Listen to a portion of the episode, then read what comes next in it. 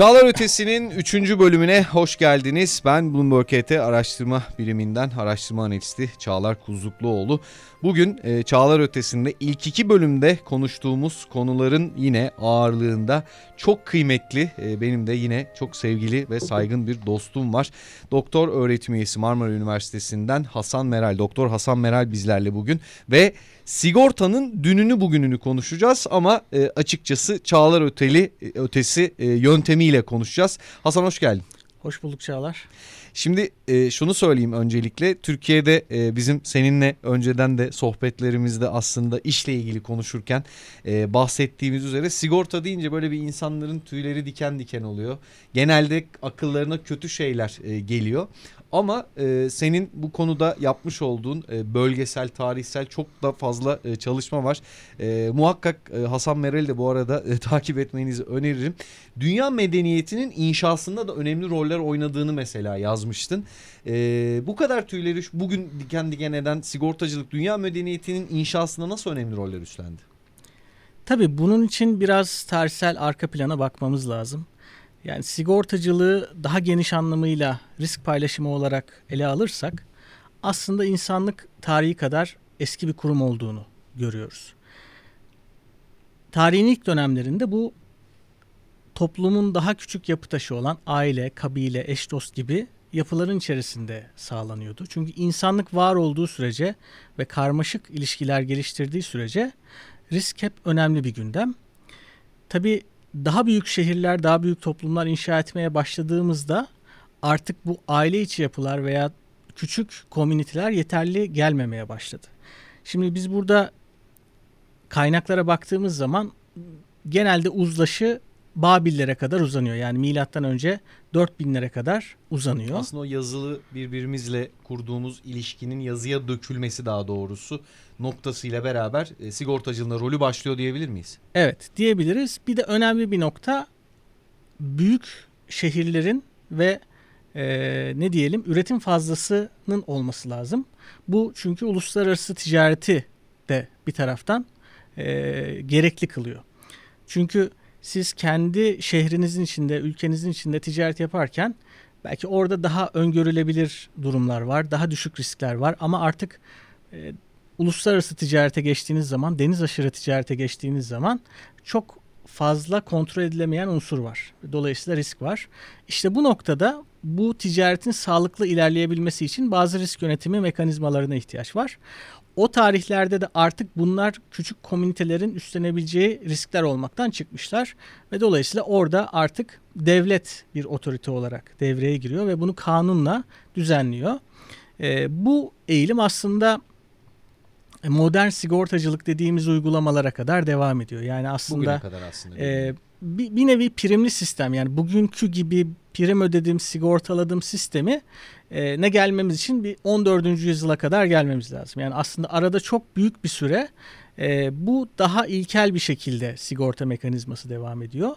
Ama o günkü yapılar işte Babillerden aldığımız yapı ya da işte Fenikelilerde aldığımız yapı ya da işte İtalyan şehir devletlerindeki yapılar bugünkü sigortacılık uygulamalarıyla aslında çok benzer. Hatta işte Roma'dan birkaç örnek verecek olursak e, bugün bildiğimiz anlamda bir sosyal güvenlik sistemi ne yapıyor? İşte bir çalışan vefat ederse, sakat kalırsa ya da işsiz kalırsa belirli haklar, yanaklar sağlıyor değil mi? Aslında bu uygulamanın çok benzerini biz işte e, Roma'da görüyoruz. Ne için? Ağırlıklı olarak askerler için, askerlerin e, birbirleri arasında kurduğu yapılarla işte işsiz kalanlara ya da vefat edenlerin yakınlarına ya da gazilere e, bu tazminatların ödendiğini görüyoruz. Tabii ki bunlar e, az önce söylediğim gibi modern sigortacılık sistemiyle yani bir istatistik tutulması, bir prim hesaplanması, bir rezerv oluşturması için e, biraz daha gelmemiz lazım. Biraz daha yakın tarihlere gelmemiz lazım. Ama ilk primli sistem dediğimiz zaman yine 14. yüzyılda aslında İtalya'da e, ortaya çıkıyor. Peki Babiller ve İtalya bu ikisinin bir ortak noktası var. O da aslında ticareti kontrol ediyor olmaları. Yani modern tarihe kadar aslında sigortacılık ticaretle çok yakın ilişki içerisinde ve ticareti kontrol eden aslında sigortacılığı da kontrol ediyor. Demek ki biz şunu anlıyoruz. Yani sigorta aslında uluslararası ticaretin olabilmesini de mümkün kılıyor. Yani buradan alsanız iş dolaylı olarak e, birçok noktaya kadar gidebilir. Çünkü uluslararası ilişkilerin gelişmesi için de önemli bir yapı. İşte biz mesela İstanbul'un fethi döneminde bile işte e, bugün bulunduğumuz civara yakın işte Galata civarında mesela sigortacıların olduğunu biliyoruz. İtalyan sigortacıların. Şu, o tarihlerde hiç Türkiye'de Osmanlı'da bir sigorta sistemi yok. Peki Hasan o zamanki adları da sigortacı mı onların? Ee, yani etimolojik olarak belki bir örnek. Evet verirse. sigorta demeye başlıyorlar Hmm. o, o tarihlerde. Ee, tabii farkı biraz şu e, birazdan değineceğim yani kurumsallaşmamış. Daha bireysel e, yapılar bunlar. Biraz daha kefalet yapısıyla çalışıyor gibi düşünebiliriz. Yani birinin o riskleri e, satın alması gibi çalışıyor. Daha bireysel e, çalışıyorlar. Ama sonuç olarak bunlar evet sigorta. Peki e, seni bölmek istemem. E, şunu da sormak isterim. Sen riskten e, bu kadar bahsetmişken. Aslında güvenceye işaret ettin. Zaten sürdürülebilir e, bir geleceği sigortalamak adlı makalende de mesela e, sigorta temelde hayattaki riskleri ölçmek ve güvence sunmakla ilgilidir diye. E, örnek var mı elimizde mesela Babililer döneminden ya da işte antik İtalya'da e, bizim konuştuğumuz bu konular eksenindeki risklere bir örnek ya da sigortalamaya bir örnek olarak. Ya Bu çok değişebiliyor. Ee, şöyle ki riskin tanımı çok her yerde çok farklı. Mesela Roma'dan bir örnek verecek olursak şimdi e, Roma'da bir cenaze sigortası var. Şimdi düşündüğünüz zaman bugün çok Türkiye örneğinde çok bir yere oturmuyor gibi geliyor ama orada aslında e, bir yakınını hakkıyla gömememek, defnedememek aslında çok büyük bir reputasyon riski. E, dolayısıyla bunun için bir e, sigorta yapısı kurulmuş. E, daha antik dönemlerdeki sigortanın da yine ağırlıklı olarak ticaretle ilişkilendirildiğini görüyoruz. Şimdi Babiller örneğini verdik. Babillerdeki ticaret yapısı aslında şöyle çalışıyor bizim anlayabildiğimiz kadarıyla. E, kişi kendi malını satmıyor. Ticaret yapabilmek için üreticiden ya da yatırımcıdan borç alıyorsunuz. Borç karşılığında da ailenize rehin bırakıyorsunuz. Dolayısıyla o yolda o ticaret sırasında bir e, başınıza kaza gelirse ya da işte bir hırsızlık yağma gibi olay olursa aileniz aslında esir düşüyor ve köle oluyor. Yani çok büyük bir risk var. Tuhaf gibi görünüyor bugün ama geçmişinde normali aslında. Evet geçmişin normali. Dolayısıyla bu kadar büyük bir risk olduğu için insanlar e, o riski almak istemiyorlar ve Babil'de sigorta benzeri yapının işte o erken dönem sigorta benzeri uygulamaların çıkmasının sebebi de insanların bu uluslararası ticaretten geri durmaları. Çünkü ticaret durma noktasına gelirse Babil üretim fazlasını aslında satamaz, zenginleşemez ya da dışarıdan ihraç etmek istediği malları edemez. Dolayısıyla o dönemde yaşıyor olsaydınız aslında sigorta belki ailenizin e, Hayatta kalmış. hayatta kalmasını, köle olma, olmaktan kurtulmasını sağlıyor olacaktı. İşte bir 2000 yıl sonra e, yaşıyor olsaydınız e, işte şanınıza yaraşır bir defin e, imkanı sağlayacaktı. E, dolayısıyla bu tamamen toplumun risk olarak adlandırdığı şeye göre değişiyor. Aslında o zaman sigorta neden var ve neyi biçimlendirir sorusuna yanıt bir nevi çok geniş anlamda da olsa hayatı ve hayatın birçok bireysel yaşantının bir araya gelmesiyle beraber içinde yaşanılan e, koşulların e, düzenini, düzeneğini, devleti birçok şeyi biçimlendirdi diyebiliriz bu noktada. Muhakkak öyle ve şunu biliyoruz. e, günlük hayat kompleks hale geldikçe, biz büyük şehirler inşa ettikçe, işte devletler modernleştikçe aslında riskler de karmaşık hale geliyor. Hani o ilk başta dedim ya aile içerisinde çözülemeyen riskler için harici kurumlar gerekiyor. İşte bu 14. yüzyıla geldiğimizde de o bireysel yönetilen riskler artık çok daha geniş boyutlara ulaşınca artık bunlar için de kurumsal yapılar gerekiyor. İşte Lloyds e, konuşmamızın öncesinde biraz bahsetmiştik. Bu Lloyds aslında bireysel olarak e, yönetilen bu nakliyat risklerinin biraz daha paylaşım esasına göre biraz daha sistematik bir şekilde yönetilmesini sağlıyor. Ama esas kurumsal anlamda sigortacılık ondan da sonra. Bunun için 17. yüzyıla 18. yüzyılın başına kadar İstersen gitmemiz o lazım. tarihsel yolculuğa başlayalım artık. Yani 14. yüzyıl e, belki öncesinden de başlayabilirsin. Şu anda tırnak içerisinde modern sigortacılık e, dediğimiz noktaya erişene kadar hangi aşamaları kat etti bu hayatı biçimlendiren sigortacılık dediğimiz, sigortacı dediğimiz insanlar ya da sigorta dediğimiz olgu? Evet yani birkaç tane nokta var. Aslında dediğim gibi Babil'le başlıyor diyelim buna. Çünkü ticaretle alakalı riskler artık bir kurumsal anlamda çözüm ihtiyacını ortaya koyuyor. Sonrasında ticaretin gelişmesiyle ticareti kontrol eden özellikle deniz nakliyatında e, o dönemin o tarihin o dönemin, döneminde deniz nakliyatına kim hakimse aslında sigortacılığa da o hakim oluyor. Primli sistemler için 14. yüzyıla kadar beklememiz gerekiyor. E, kurumsal sigortacılık içinse aslında 17. yüzyılın sonunu 18. yüzyılın başını bekliyoruz. Bugün peki Avrupa'da mesela bu büyük bankalar gibi büyük sigorta şirketlerinde kökenine indiğimizde bir 17. yüzyıl ağırlığı görür müyüz? Evet onu görmemiz lazım çünkü ondan öncekiler aslında e, şirketleşmemiş daha e, ne diyelim bireysel veya böyle daha e, Girişimciliğe girişimcilik evet doğru ifade girişimciliğe bağlı bir risk yönetimi var ama bunda önemli bir e, dönüm noktası işte 1666 Büyük Londra yangını. Ondan sonra aslında hep deniz nakliyatı üzerinden ilerleyen sigortacılık ilk defa diyelim tabii ki istisnaları var ama gerçek anlamda ilk defa kara sigortacılığına daha doğrusu mülk sigortacılığına geçiyor. Yani o tarihte e, büyük bir yangın e, Londra'nın üçte ikisini etkiliyor. Neredeyse üçte ikisi yok oluyor. Dolayısıyla bir farkındalık oluşuyor risklerle alakalı. Tabii biz şunu biliyoruz yani davranışsal ekonomiden de işte büyük felaketler aslında gerçekleştikleri dönemde o kategorinin farkındalığını belirli bir süreliğine artırıyorlar. İşte bunun en yakın örneği yaşadığımız pandemi. Pandemi sonrasında ne oldu? Türkiye'de de sağlık sigortasına olan talep arttı. Penetrasyon yükseldi. O dönemde aslında sigortacılığın, kurumsal sigortacılık girişimlerinin doğması için güzel bir zemin oluşturuyor tırnak içerisinde.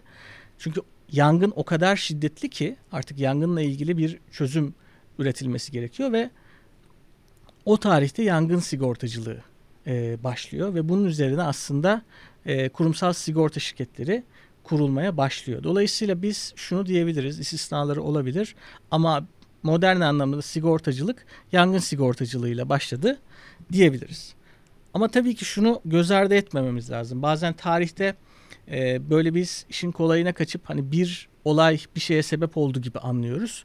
Tabii ki orada bir tetikleyici olay var. Londra yangını. Ama modern sigortacılığın başlayabilmesi için birkaç gereksinim de var. Onlar da sağlanmış oldu. Yani modern şehirler vardı artık. E, bireylerin gelirleri artmaya başlamıştı. Artık mülkiyet mümkün olmuştu. Ve merkezileşme vardı, istatistik tutuluyordu. Şimdi sigortacılığın gerçek anlamda gelişebilmesi için bunların hepsine ihtiyaç var. Bir taraftan da sigortacılar, sigortacılık bunların hepsini de geliştiriyor. Yani hem bunlara ihtiyaç var hem bunları geliştiriyor. Şeye biraz benzetebilir miyiz Hasan ya? Buharlı makinelerin icadı çok basit gibi görünür ama sanayi devrimi başta olmak üzere bugün işte önümüzdeki cihazlara kadar birçok şeyin yolunu açtı aslında diye. Muhakkak öyle. Ve aslında sanayi devrimine geldin. Tam da ben oraya gelecektim. Sanayi devriminin de çok önemli bir misyonu var bugünkü sigortacılığa ulaşmamızda. Aynı zamanda sigortacılığın da sanayi devrimi için çok önemli bir misyonu var. Şimdi sanayi devrimi neyi sağlıyordu? Özellikle sanayileşmiş batı toplumları için üretim fazlasını. Konuşmamın başında söylemiştim yani 4000 yıl önce Babillerde yaşanan aslında tekrar yaşanıyor. Dolayısıyla İngiltere'de üretim fazlası oluşunca e, en sanayileşmiş toplumda aslında o üretim fazlasının bir şekilde başka ülkelere satılması gerekiyor. Şimdi başka ülkelerde yatırım yapmak daha büyük risk anlamına geliyor. Deniz aşırı risk anlamına geliyor. Bu sefer İngilizler sigorta şirketleriyle beraber gidiyorlar bu yatırımlara. Şimdi biz bunun yansımasını Osmanlı'dan konuşabiliriz çünkü daha iyi bildiğim bir alan. Osmanlı'da da ilk sigorta, yerleşik sigortacılık uygulamaları 19. yüzyılın ikinci yarısı ve İngilizler tarafından başlatılıyor. Tabii ki bu bir tesadüf değil. Çünkü 1838'deki aslında Balta Limanı anlaşmasının doğal bir sonucu. Yani biz o anlaşmayla İngilizlere burada bir e, ticaret serbestisi tanıyoruz. Onlar da e, doğrudan ser, sermaye, e, doğrudan yabancı sermaye yatırımlarıyla e, burada girişimler yapıyorlar. İşte demir yolu yapıyorlar veya diğer e, alanlarda girişimlerde bulunuyorlar. Dolayısıyla burayı bilmiyorlar aslında. Yani burayla alakalı riskleri de öngöremiyorlar. Bunun için ne yapmaları lazım? Sigorta kurumlarını da buraya getirmeleri lazım. Gerçekten de ilk dönem sigorta acenteleri aslında bin, işte bu 19. yüzyılın ikinci yarısındaki sigorta acenteleri aslında bir nevi sigorta şirketinin Atası Hani- mı diyeyim?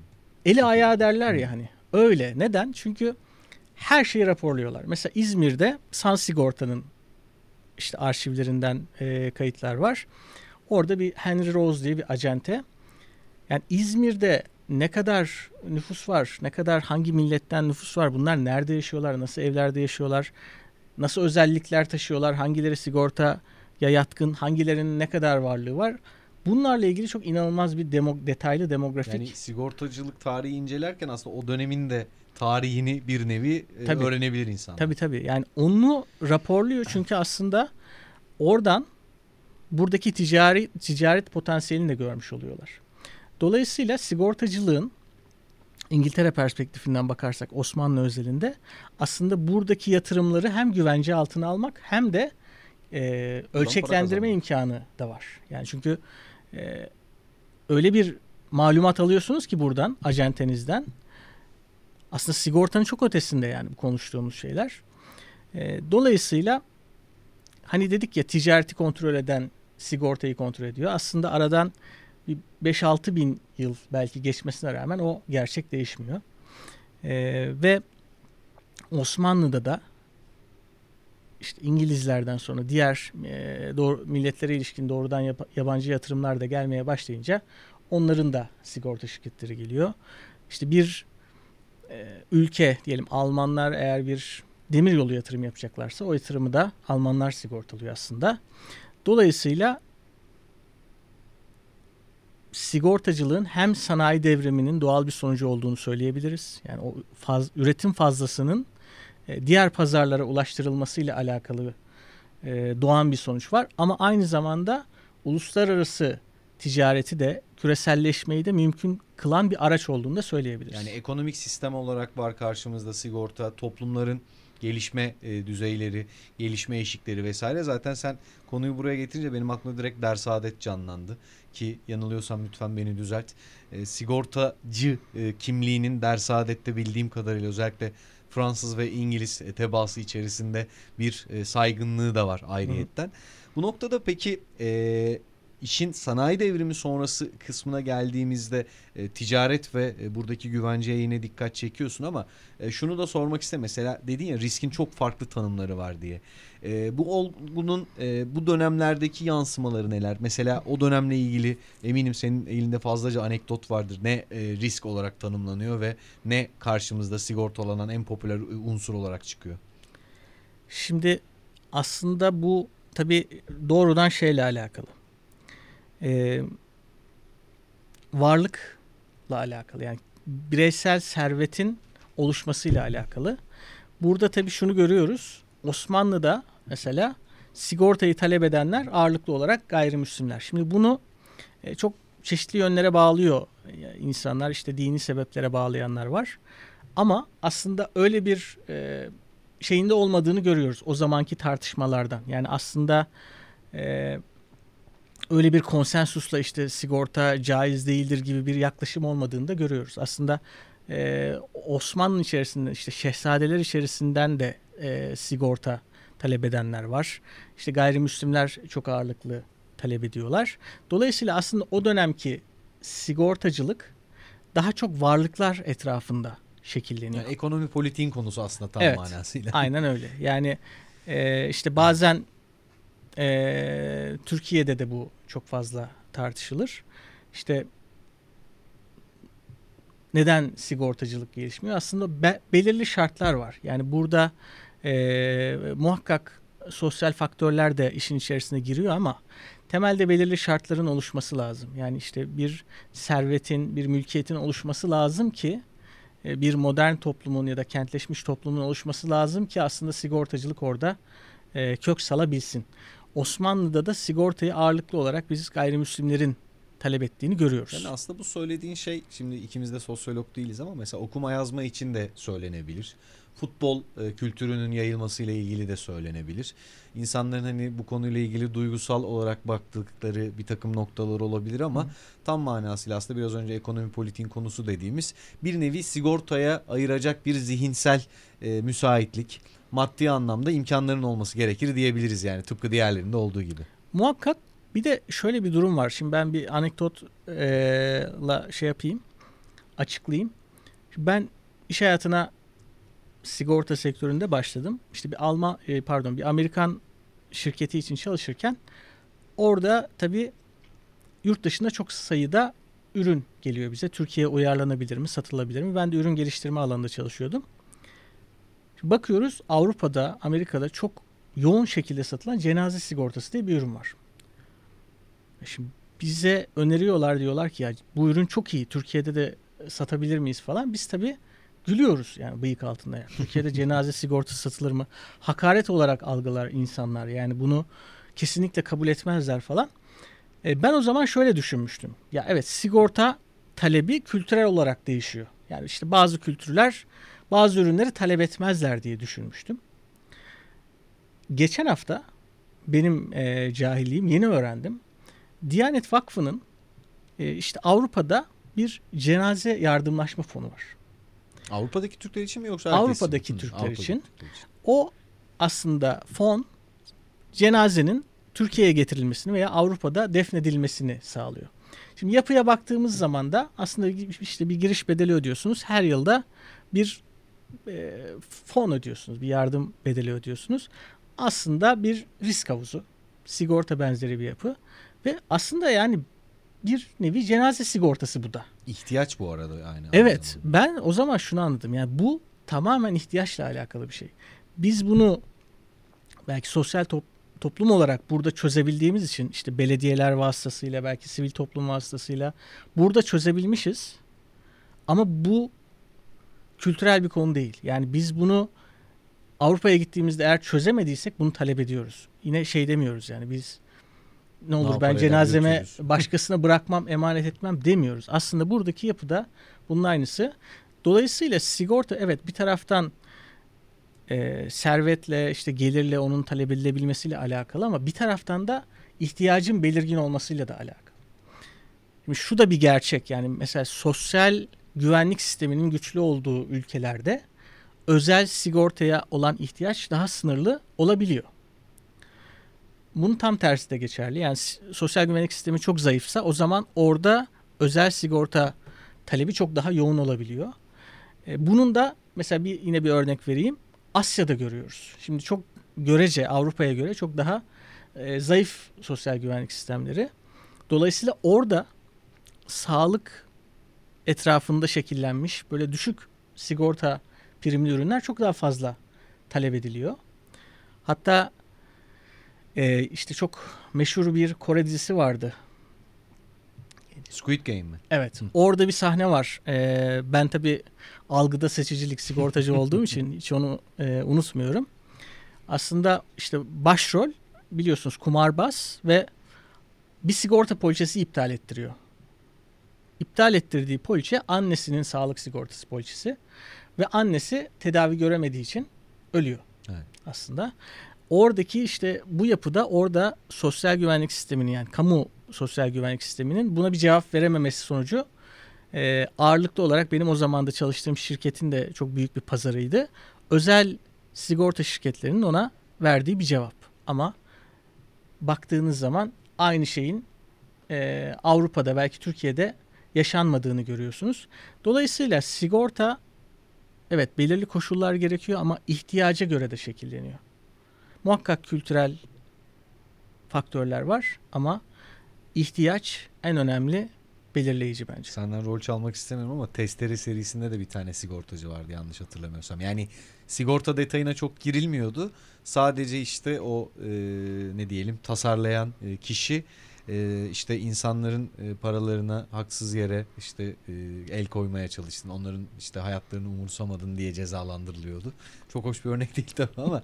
Peki Hasan e, şimdi e, bu noktada e, şuraya girmek isterim. Konuyu bugüne getireceğim yani. Aslında yavaştan da geldik. Bugün ne ifade ediyor diye. Seninle sohbetlerimizde değindiğimiz ilginç örnekler vardı. Bir tanesi İran'dandı mesela. Onun gibi İran'ı da anlat bence. Ee, karşına çıkan en ilginç ürünler ya da bugün dedik ya ihtiyaca getirdik artık konuyu. İnsanlar nelere ihtiyaç duyuyor? Neleri güvence altına almak istiyor? Sigortadan ziyade neyin güvende olmasını istiyorlar? Şimdi İran'dan bahsettin. Ee, oradaki örnek gerçekten çok enteresan. Sebebi de şu. Az önce verdiğim bu ihtiyaç meselesini çok daha güçlendiren bir örnek. Şimdi İran'da bir İranlı sigorta acentesi e, Türkiye'ye gelmişti. Biz de e, onunla bir oturup sohbet etme imkanı buldum. Dedim ki ne satıyorsunuz en fazla? Ya dedi biz sizdeki trafik sigortasına benzer bir ürün satıyoruz.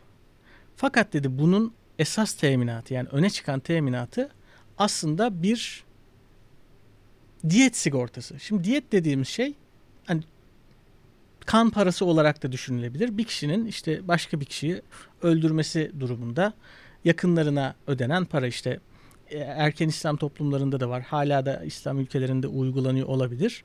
Dolayısıyla bu çok önemli bir e, risk diyelim İran'da. Çünkü bunu ödeyemezseniz hapse düşüyorsunuz ya da işte farklı yaptırımlarla karşılanıyorsunuz. Ben sordum dedim ki ne kadar yani bu? Dedi ki her yıl belirleniyor. İşte yılın belirli dönemlerinde daha yüksek haram ayları diyorlar. E, 4 ay olması lazım. Orada daha yüksek, diğer şeylerde daha e, düşük ama işte en düşüğü 400 bin lira. Dolayısıyla bu sigortanın esas öne çıkan teminatı birini işte aracınızla veya motosikletinizle yanlışlıkla öldürürseniz ailesine ödeyeceğiniz o diyet bedeli.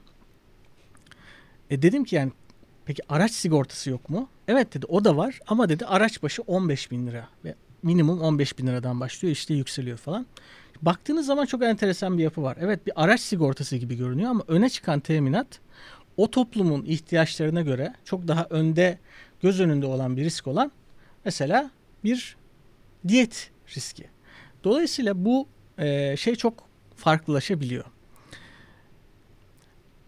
Tabi dünyadan örnekler verecek olursak şey çok farklı. Yani her ülkenin e, talep ettiği ürün gamı çok farklı. Bu büyük oranda şeyle şekilleniyor. İşte az önce söylediğim gibi sosyal güvenlik sistemiyle şekilleniyor. Ama bir taraftan toplumsal alışkanlıklarla da şekilleniyor. Mesela bir ürün uzun süreli hayat sigortası ya da işte yaşlılar için e, hayat sigortası. Bunlar yurt dışında çok fazla satılan ürünler.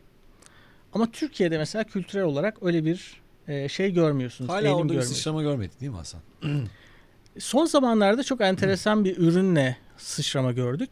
O da aslında prim iadeli hayat sigortası. İşte burada mesela kültürel alışkanlıklar devreye giriyor. Neden? Çünkü şimdi Türkiye'deki en büyük bariyer aslında şuydu. Yani ben prim ödüyorum. Ya bir şey olmazsa. Şimdi bunu aslında sevinmesi lazım insanın. Yani ya ölmezse. Hayattasın yani daha ne olabilir? Ama bu bir kayıp gibi geliyor. Yani ödenmiş primler boşa gidiyor e, olarak algılanıyor. Şimdi bu bariyeri aşmak için aslında prim iadeli hayat sigortaları e, uygulanıyor Türkiye'de.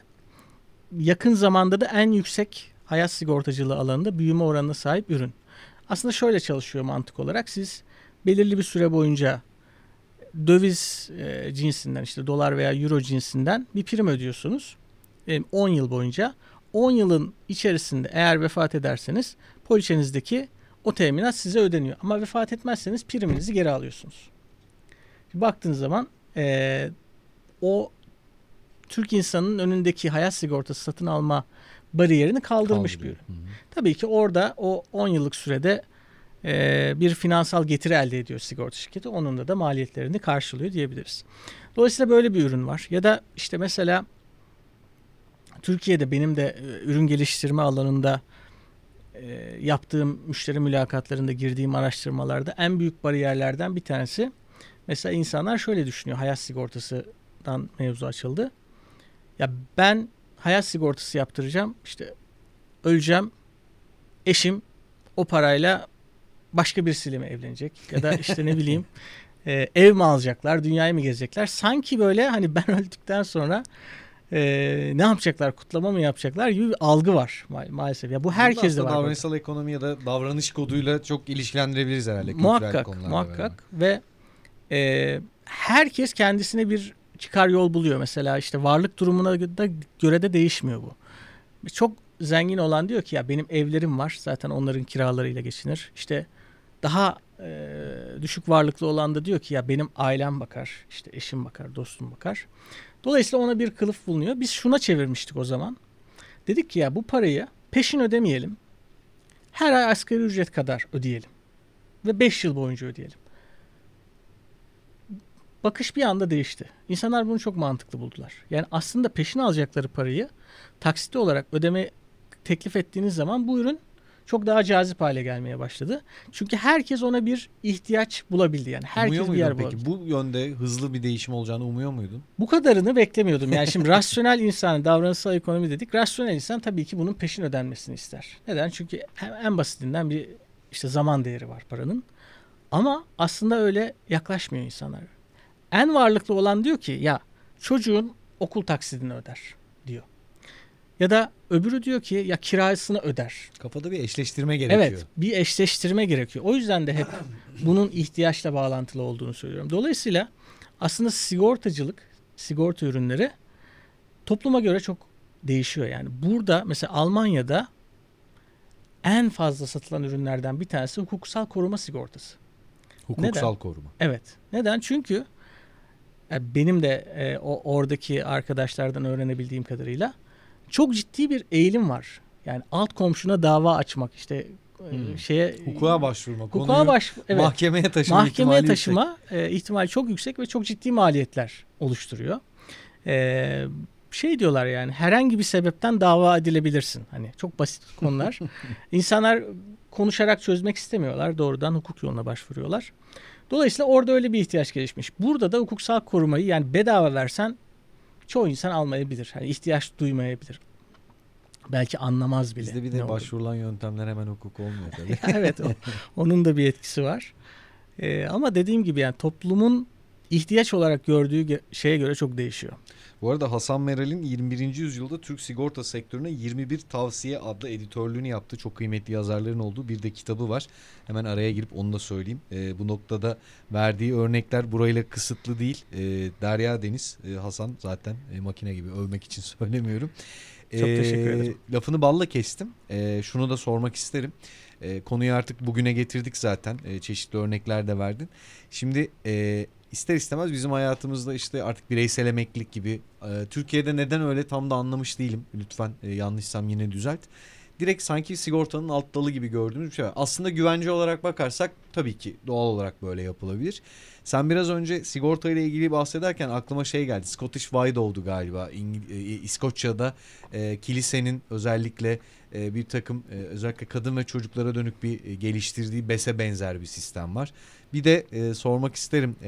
Sen özellikle İtalya'dan bahsetmişken e, Shakespeare'in e, uyarlanan e, senaryosunda e, Cenevizlilerin, e, Cenevizler diyorum özür Venediklerin e, Al Pacino'nun oynadığı film. Filmin ismini tam hatırlamıyorum şu an ama o dönem geldi. Aklına film geliyor mu? E, BES konusuna değinmişken e, sen dedin ya algıda seçicilik. Mesela hiç kimsenin e, dikkat etmediği filmlerde aa bu işte direkt sigortayı bireysel emekli ilgilendiriyor dediğin enstantaneler var mı gözünün önünde? Haç seferlerinde mesela benim aklıma şeyler geldi. Oradaki bir takım gruplar işte Tapınak Şövalyeleri galiba. E, onların galiba bir takım parayla ilgili e, kendilerinin bir şeyleri güvence altına alması noktasında şeyleri var. Ee, tabii bu dediğin çok var. Biz e, filmlerde ve romanlarda özellikle çok dikkat ediyoruz. E, bir algıda seçicilik durumu oluyor. Şimdi e, notlarıma bakarım. E, birkaç tane örnek veririm. E, Türkiye'den de, dünyadan da. Orada tabii e, sigortacılar genelde çok Kötü. iyi resmedilmiyorlar. e, öyle bir durum var. E, sebepleri de var. Onu da konuşacağız yani. Bugünü, geleceği nasıl değişebilir noktasında ona da biraz değinmek isterim. E, birkaç örnek bir e, paylaşmaya çalışacağım. E, bireysel emeklilik konusuna gelince aslında bireysel emek bir, emeklilik bir sigorta değil. E, bu Türkiye'deki uygulanışı da e, aslında işte 90'lı yıllarda tüm dünyanın yaşadığı sosyal güvenlik krizlerinin bir yansıması olarak işte Dünya Bankası'nın bir üç e, bacaklı projesi ya da o dönemde bir, bir model önerisi var. Yöntem. O modelin aslında e, üçüncü bacağı olan gönüllü bireysel emeklilik sistemi 2003'te e, mesleki emeklilik sistemi de planları da işte 2015'te geldi. Tabi bu aslında e, bir sigorta değil. E, sigorta olmamasının sebebi de arkasında bir yaşama bağlı bir e, şey yok. E, bir teminat yok. Tamamen kendi biriktirdiğiniz e, fonların getirisini alıyorsunuz. Ama o dönem benim anlayabildiğim kadarıyla organize bir hayat sigortacılığı piyasası olduğu için aslında bunu en iyi şekilde yönetilebilecek kurum olarak hayat sigortası şirketleri görülmüş. Bunu dünyada örnekleri de var yani sigorta şirketlerinin. Çok abes değil yani Çok abes değil. Seçimde. Çok abes değil. Ee, biraz da tabii riskte dağıtılmak istenmiş e, diye düşünüyorum. Hani bankalara da verilebilirdi ama işte e, o çok tercih edilmemiş. E, zaten bireys, birikimli hayat sigortası gibi yine e, bir emeklilik ürünü satma tecrübesi olan, işte yaygın bir dağıtım kanalı olan, banka sürans alanında çalışan e, hayat sigortası şirketlerine verilmiş. Bence güzel de olmuş, doğru bir karar e, olmuş. Şirketler de bunu hakkıyla e, bugüne kadar getirdiler. Çok e, ciddi de bir boyuta ulaştı. Sen evet. örneklere bakarken bugün konuştuğumuz konuları e, ben e, özetleyeyim. E, bugün itibariyle 21 Ağustos 2023 günündeyiz efendim e, ve e, hafta sonu şu haberleri takip ettik. E, Panama kanalında e, iklim değişikliği nedeniyle alçalan su seviyesinin e, özellikle küresel ticareti ilişkilendiren tarafına bakıyoruz ama burada odaklanılacak nokta Panama kanalı gibi bir geçiş noktasında dahi iklim değişikliğinin sebep olduğu e, bu hadisede suyun kaybolması. Su güvenliğinden söz ediyoruz. Çevresel ve sosyal anlamda fazlaca önümüzde gündem maddesi var. Çağlar Ötesi'ne başladığımız her bölümde neredeyse e, İstanbul'da örneğin e, bizim bulunduğumuz e, lokasyonda e, hava sıcaklığının geldiği noktadan söz eder vaziyetteyiz ve bunu gündelik hayatımızda böyle konuşurken su kıtlığı, tarımsal üretimde enflasyon tarafından konuştuğumuz konular ve bir yandan da iklim değişikliği ile ilgili aslında yine biraz önce Doktor Hasan Meral'in söylediği gibi ortaya konulan bir çerçeve var. Bu çerçevenin içerisinde de şu anda temiz enerji, sürdürülebilirlik ve e, bizim şu anda içinde bulunduğumuz denklemin eğer tersine çevrilmezse e, bizim için çok çok daha e, kötü bir takım e, noktalara gelebileceğine dair konular var. Sel, fırtına, kuraklık. E, bu noktada küresel gıda güvenliği işte e, şu anda savaşın da gündemde olduğu bir noktada yine karşımızda cap canlı e, durumunu koruyor. Bu konular ekseninde Hasan e, örneği de e, açıkçası vermek istersen e, onunla başlayabiliriz. Bugün ve yarın anlamında geçmişin inşasında bu kadar önemli rol oynadığını konuştuğumuz sigortacılık gelecekte nelere kadir, nelere çözüm sunabilir? Evet bu e, sırada baktım. Aklıma gelmemişti. Truman Show'da e, bir sigortacı vardı. Sanırım başrol sigortacıydı. Bir de Ahmet Ümit'in kitaplarında e, Türkiye'den bir örnek vereyim. Çok e, başroller genelde sigortacı oluyor. İşte o e, yanılmıyorsam Bab Esrar'da Beyoğlu Rapsodisi'nde. E, burada e, sigortacı karakterler var. Tabii onun etrafında hani sigortacılığın etrafında şekillenmiş e, bir eser değil ya da o filmler e, öyle filmler değil. E, söylediğin konuya gelecek olursak çok önemli bir konu. Şimdi aslında biraz şuraya doğru geldik. Yani sigortacılık e, tarihsel anlamda hangi fonksiyonları üstlendi? E, medeniyetin inşasında hangi rolleri üstlendi? Ve önümüzdeki dönemde geleceğin büyük problemlerine nasıl yanıt verebilir? Şimdi bunun için aslında şuna bir bakmamız lazım çok hızlıca. Bugün sigortacılık olmasaydı ne olurdu? Yani sigortacılığı bugün ekonomik sistemden, finansal sistemden çektiğimiz zaman ne olur? Biraz ona bakmak lazım. Bir tanesi e, girişimler çok daha ürkek olur. Çünkü aslında girişim ya da yatırım diyelim riskle çok doğrudan ilişkili bir şey. Belirsizliğin yüksek olduğu alanlarda girişim de çok daha yavaş, çok daha sınırlı olabiliyor. İşte zaten uluslararası ticaretle, küreselleşmeyle alakalı e, örnekleri verdim. Bunların tabii ki devamı da çok zor. İşte sen az önce Panama kanalındaki örneği verdin. Şimdi bir anda bir sürü geminin geçişinde bir problem yaşandı. Belki onlar karaya oturdular. Belki onların çekilmesi lazım. Belki oradaki e, emtialarda bozulma yaşanacak ya da o emtiaların ulaştığı yerlerdeki ulaşması gereken yerlerde finansal kayıplar oluşacak. İşte bunların hepsi aslında sigorta sistemi içerisinde bir karşılığı var. Yani o geminin oradan çıkartılmasından o geciken emtianın satılması kaynaklı yaşanan kar kaybına kadar e, belki orada yaşanabilecek kazalarda zarar gören insanlara kadar. Kısa süre önce Süveyş kanalının mesela tıkanmasını takip ettik günlerce. Evet. Bunlar bunların hepsinin e, sigortacılık sistemi içerisinde bir karşılığı var. E, dolayısıyla bu bir kere çok önemli. Yani bu özellikle biz bunları katastrofik risklerde görüyoruz. Yani büyük risklerde böyle bir trajik olaylarda bunları daha çok anlıyoruz ama orada bir yaşanabilecek tekil olayda da aynısı var. Çünkü o olayı içinden sigortayı çıkarttığınız zaman bir geminin buradan işte Süveyş kanalına gidip geçip başka bir ülkeye gitmesinin e, belirsizliğini düşünebiliyor musunuz? Orada yaşanabilecek birçok şey var. Bu ne yapar? Doğrudan aslında e, sermaye maliyetini artırır. Neden? Çünkü yani temel ekonomi bilgisiyle konuşacak olursak aslında bir yatırımın beklentisi ya da yatırımın değerlendirilmesi risksiz getiri üzerinden yapılır değil mi? Yani risk ne kadar yüksek olursa getiri beklentisi de o kadar yüksek olur. Şimdi sigorta içinden çıkarttığınız zaman o belirsizlik çok yükseleceği için aslında getiri beklentisi de çok yükselecek. Dolayısıyla finans e, sermayenin maliyeti, finansmanın maliyeti yükselecek. O anlamda bu bahsettiğim tüm mekanizmanın da büyümesi, işlemesi çok daha zor olacak. Ve tabii şunu da söylemek lazım. Yani bugün işte şu anda bulunduğumuz çok katlı bir bina ya da e, belki akşam yemek için gideceğimiz bir alışveriş merkezi ya da işte üzerinden geçeceğimiz yollar, köprüler. Sigorta mekanizması olmadan bunların inşası, işletilebilmesi çok zor. Neden? Çünkü aslında e, küçük çaplı bir konut projesinde bile çok sayıda e, inşaata dair risk, risk var. var. Yani belki onlarca sigorta ürünü içeriyor o inşaatın içerisi ve bir yatırımcı olarak düşündüğünüz zaman dediğim gibi oradaki belirsizlik ne kadar yüksek olursa sizin ya çok yüksek bir getiri elde etmeniz lazım ya da bundan uzak durmanız lazım. Şimdi bunu neden biraz anlattım? Çünkü az önce temiz enerjiden bahsettik. Dünyanın aslında yönünü değiştirmekten bahsediyoruz. Sonuçta 10 yıllardır devam eden bir enerji sistemi var değil mi? Enerji mekanizması var, bir üretim mekanizması var. Şimdi siz e, çıkıyorsunuz ve diyorsunuz ki biz artık fosil yakıtları kullanmayacağız. Temiz enerjiye geçmek istiyoruz, rüzgar enerjisi. Ama bunların bugün yatırım riski geleneksel enerji yatırımlarına göre çok daha yüksek. Neden? Çünkü belirsizlik çok fazla. Yani işte bir fosil yakıt yatırımı yaptığınız zaman alanım değil hani hadsizlik yapmayayım ama sonuçta kaynak belli.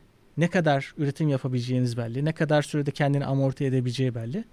Değil mi? Onlar çok daha e, öngörülebilir alanlar. Fakat bir diyelim ki rüzgar santrali yaptınız ya da bir e, hidroelektrik santrali yaptınız. Şimdi burada bir kere çevresel riski üstleniyorsunuz. Neden? Çünkü rüzgar esmeyebilir. Değil mi? Yani bu çok temel bir şey. Siz belirli bir şahit oluyoruz evet, mesela. yani belirli bir şiddette esmesini bekliyorsunuz ve esmiyor diyelim. Ya da e, aynı şekilde işte sudan bahsettik. Suyun bir debisinin olması lazım ki o elektrik üretilebilsin. Akmıyor o debit. Ren Nehri'nin kurumasına şahit olduk. Evet. Taşmasına da şahit olduk. O da olabilir. O da bir şey. Yani tam tersi de mümkün olabilir. Burada mesela bir e, üstsel olarak artan bir risk var. Neden? Şimdi biz şeyi konuşurken, sebepleri, sonuçları konuşurken aslında birbirini besleyen bir kısır döngü içerisindeyiz. Bu anlattığımız riskleri oluşturan şey ne? Küresel ısınma. Peki küresel ısınmaya çözüm olarak ortaya koyduğumuz enerji politikaları küresel ısınmanın sonuçlarından doğrudan etkileniyor.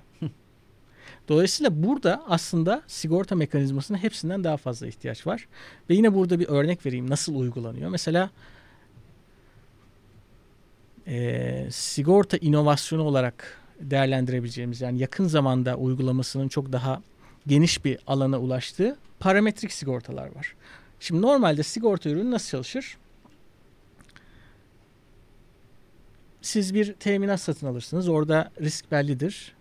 İşte bir zarar oluşması gerekir. Yani işte az önceki rüzgar santrallerinden, rüzgar gününden örnek verelim.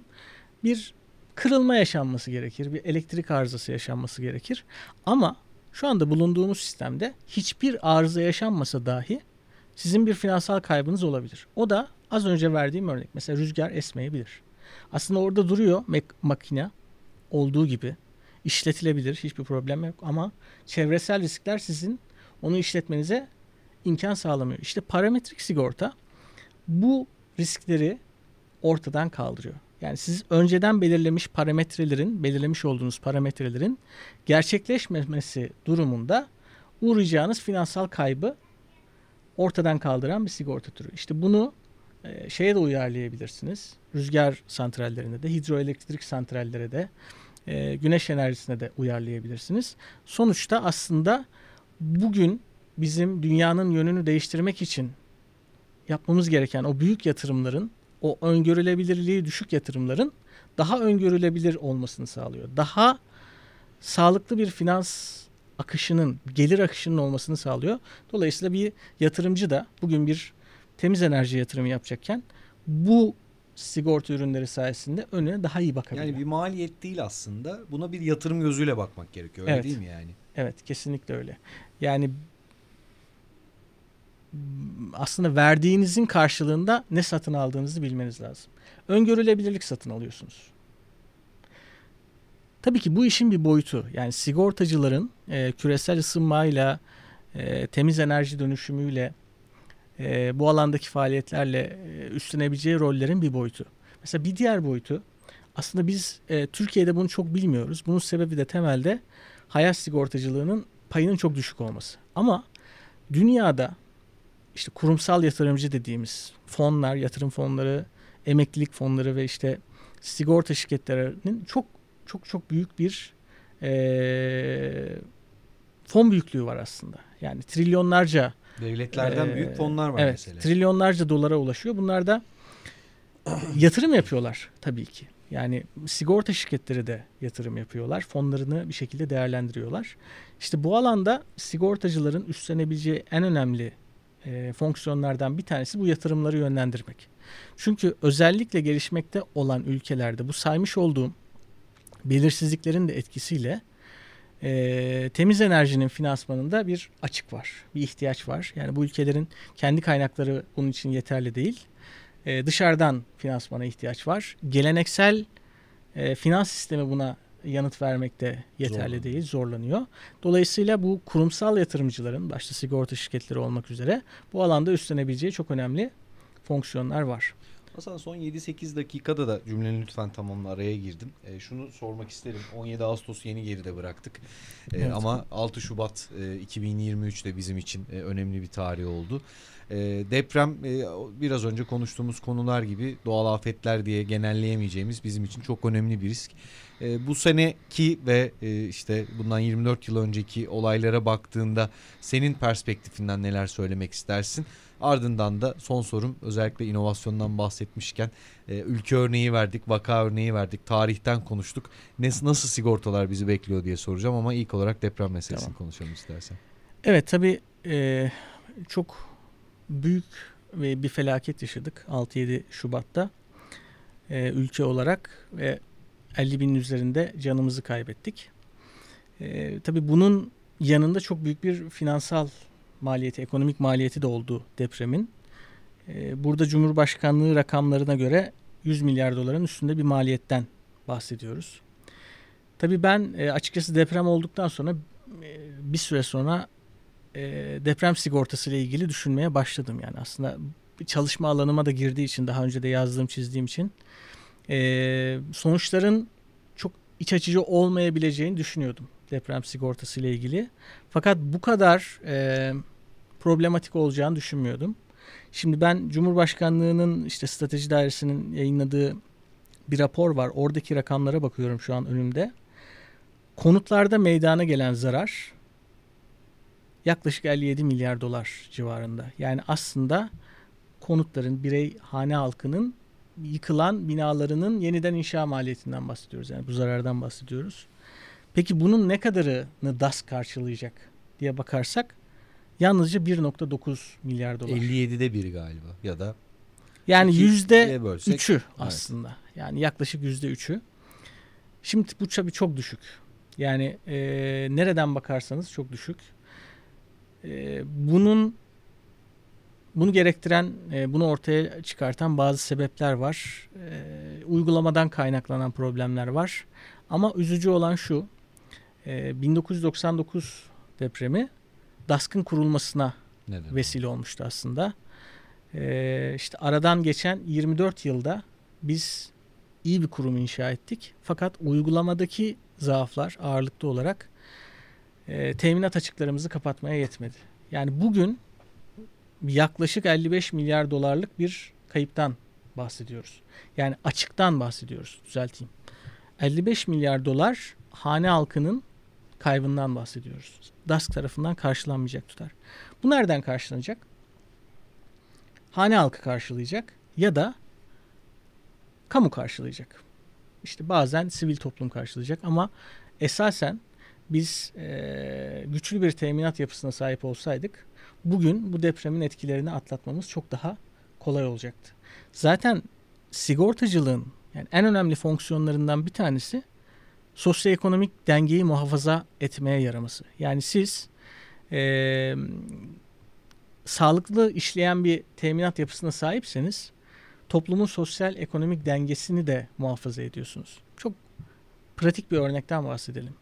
Yani bir depremde işte bu depremde evini ve arabasını kaybeden bir kişiden bahsediyoruz. Hiç yakınını kaybetmemiş olsun, sağlığıyla ilgili bir problem yaşamamış olsun.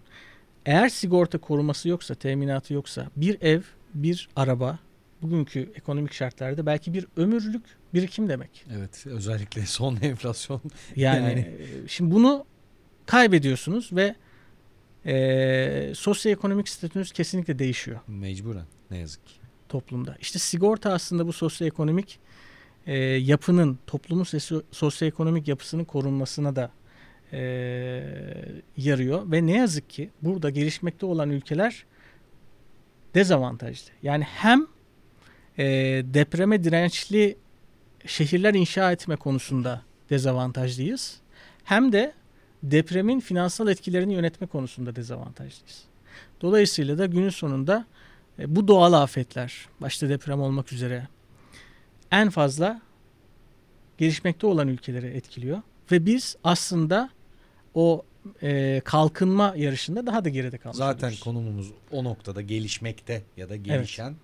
Bir de o yetmiyormuş gibi e, yakalama adına da daha büyük açıklar veriyoruz. İnsani yanını bir yana bırakarak söylüyorum. Evet yani şu anda biz değil mi bir 50 milyar dolar herhalde gelse yurt dışından e, çok önemli bir haber olur. Yani herhalde burada e, en azından Son bir hafta boyunca havada uçuşur. tartışılır. Ama biz aslında onu alabilirdik yani o 50 milyar dolar gitmeyebilirdi.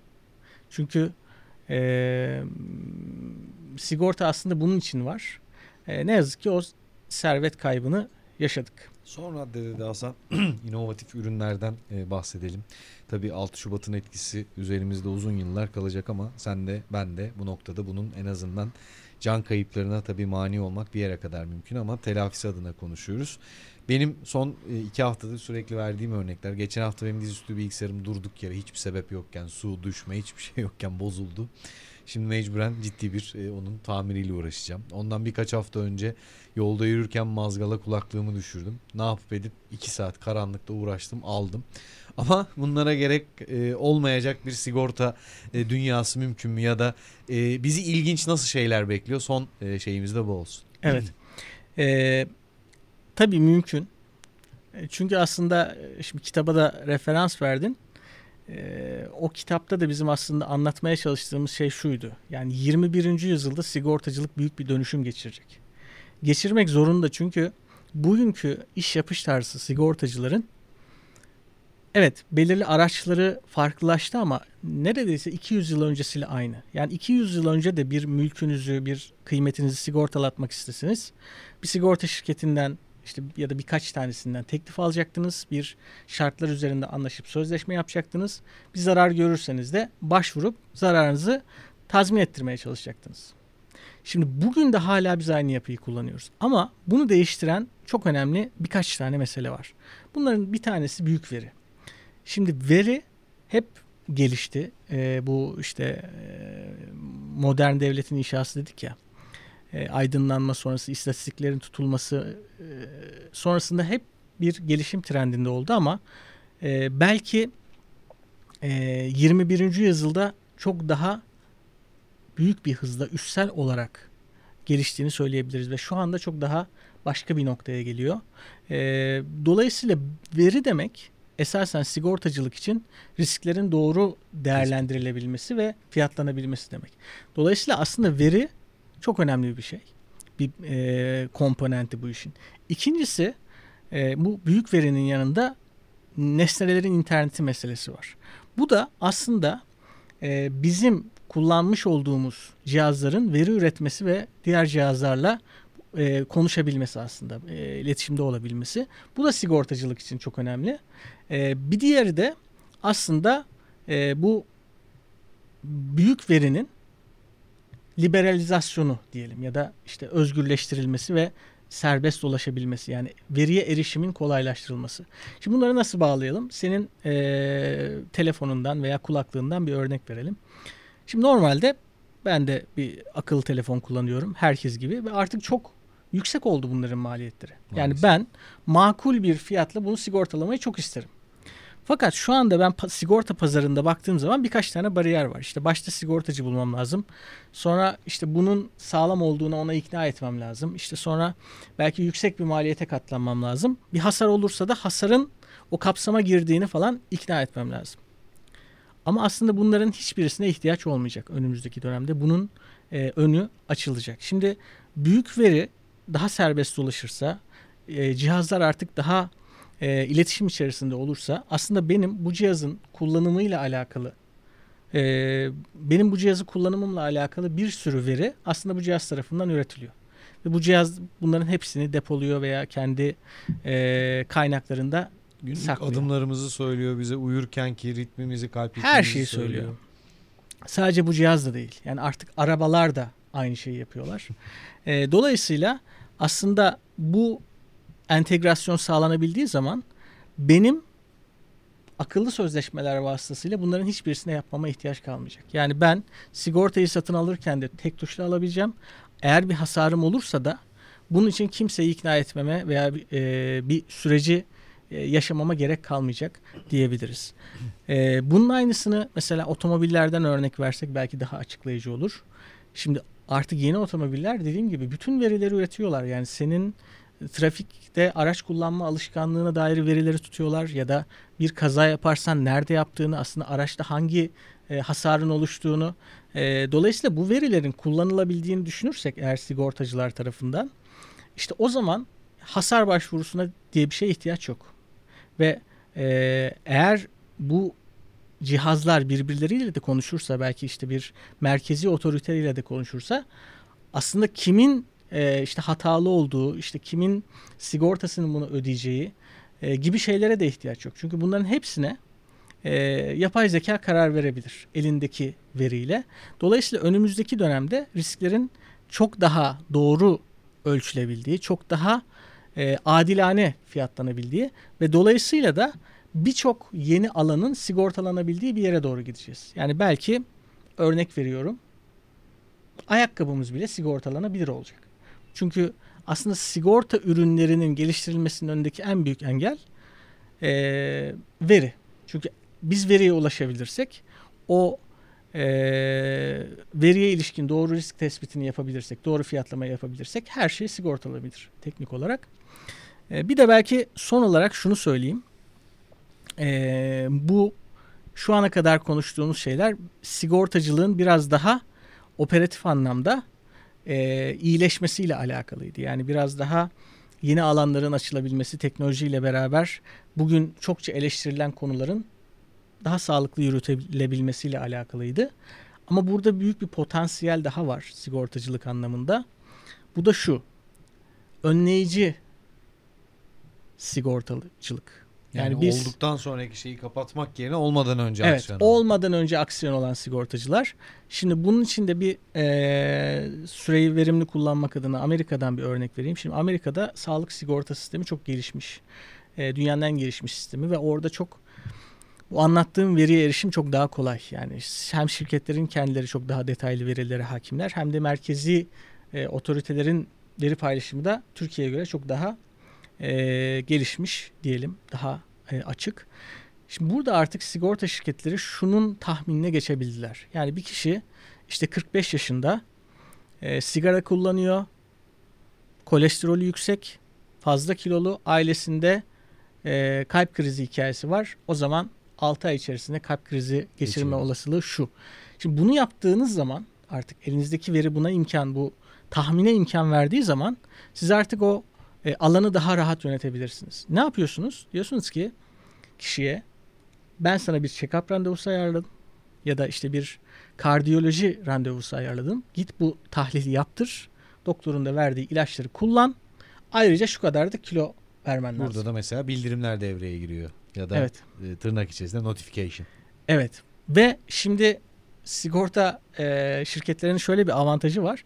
Normalde sen bana desen ya biraz kilo versen mi desen ya da eşim dese bir arkadaşım dese görmezden gelebilirim. Ya da doktora git dese bazen görmezden gelebilirim. Ama e, sigorta şirketleri özellikle e, özel sağlık sisteminin güçlü önemli olduğu yerlerde çok büyük bir ellerinde e, avantaj var. Çünkü şunu diyebiliyor. Yani sen bunu yapmazsan ben senin poliçeni yenilemiyorum. Ya, da, daha pahalı. poliçeni daha pahalı yapıyorum ya da poliçeni iptal ediyorum. Dolayısıyla aslında insanları e, o anlamda yönlendirme imkanına da sahipler. Dolayısıyla sigortacılığın önümüzdeki dönemde e, bunun örneklerini işte otomotivde de görüyoruz. Yani araçlarda da görüyoruz. İnsanları daha e, iyi sürüş davranışları geliştirmeye de teşvik ediyorlar. Belki sigortacılığın önündeki en büyük alanlardan bir tanesi de bu önleyici sigortacılık meselesi. Bu kadar davranışsal ekonomiden söz ettik. Çok güçlü bir dürtme örneğiyle Evet, aynen e, öyle. bitiriyoruz. Efendim Doktor Hasan Meral Marmara Üniversitesi öğretim üyesi, doktor öğretim üyesi bugün bizlerle birlikteydi. Sigortacılığın tarihte dünya medeniyetinin inşasında önemli oynadığı rollerden gelecekte neleri tasarlayabileceğine, bizim hayatımızı, devletleri, gündelik hayatımızdaki koşulları nasıl düzenleyebileceğine dair konuları konuştuk. Bir sonraki Çağlar Ötesi'nde tekrar görüşmek ümidiyle diyelim. E, fazla ilgi var. Teşekkür ediyoruz e, bu ilgi için. Görüş ve önerileriniz olursa konu ya da konuklar adına ckuzlukluoğlu@bloomberght.com adresine bana ulaştırabilirsiniz. Twitter adresimden de Ekopolitik Klinik e, biliyorsunuz. E, bu noktada e, mesajlar kısmından bana iletebilirsiniz dilediğiniz konu ya da konukları diyelim. Bir sonrakindeki e, bir sonrakinde e, Çağlar Ötesi'nde yine görüşmek ümidiyle diyelim. Hasan Meral'e de tekrar teşekkür ediyorsa iyi ki geldin Hasan. Ben teşekkür ederim. Davetin için Çağlar Herkese esenlikler dileyelim. Görüşmek üzere.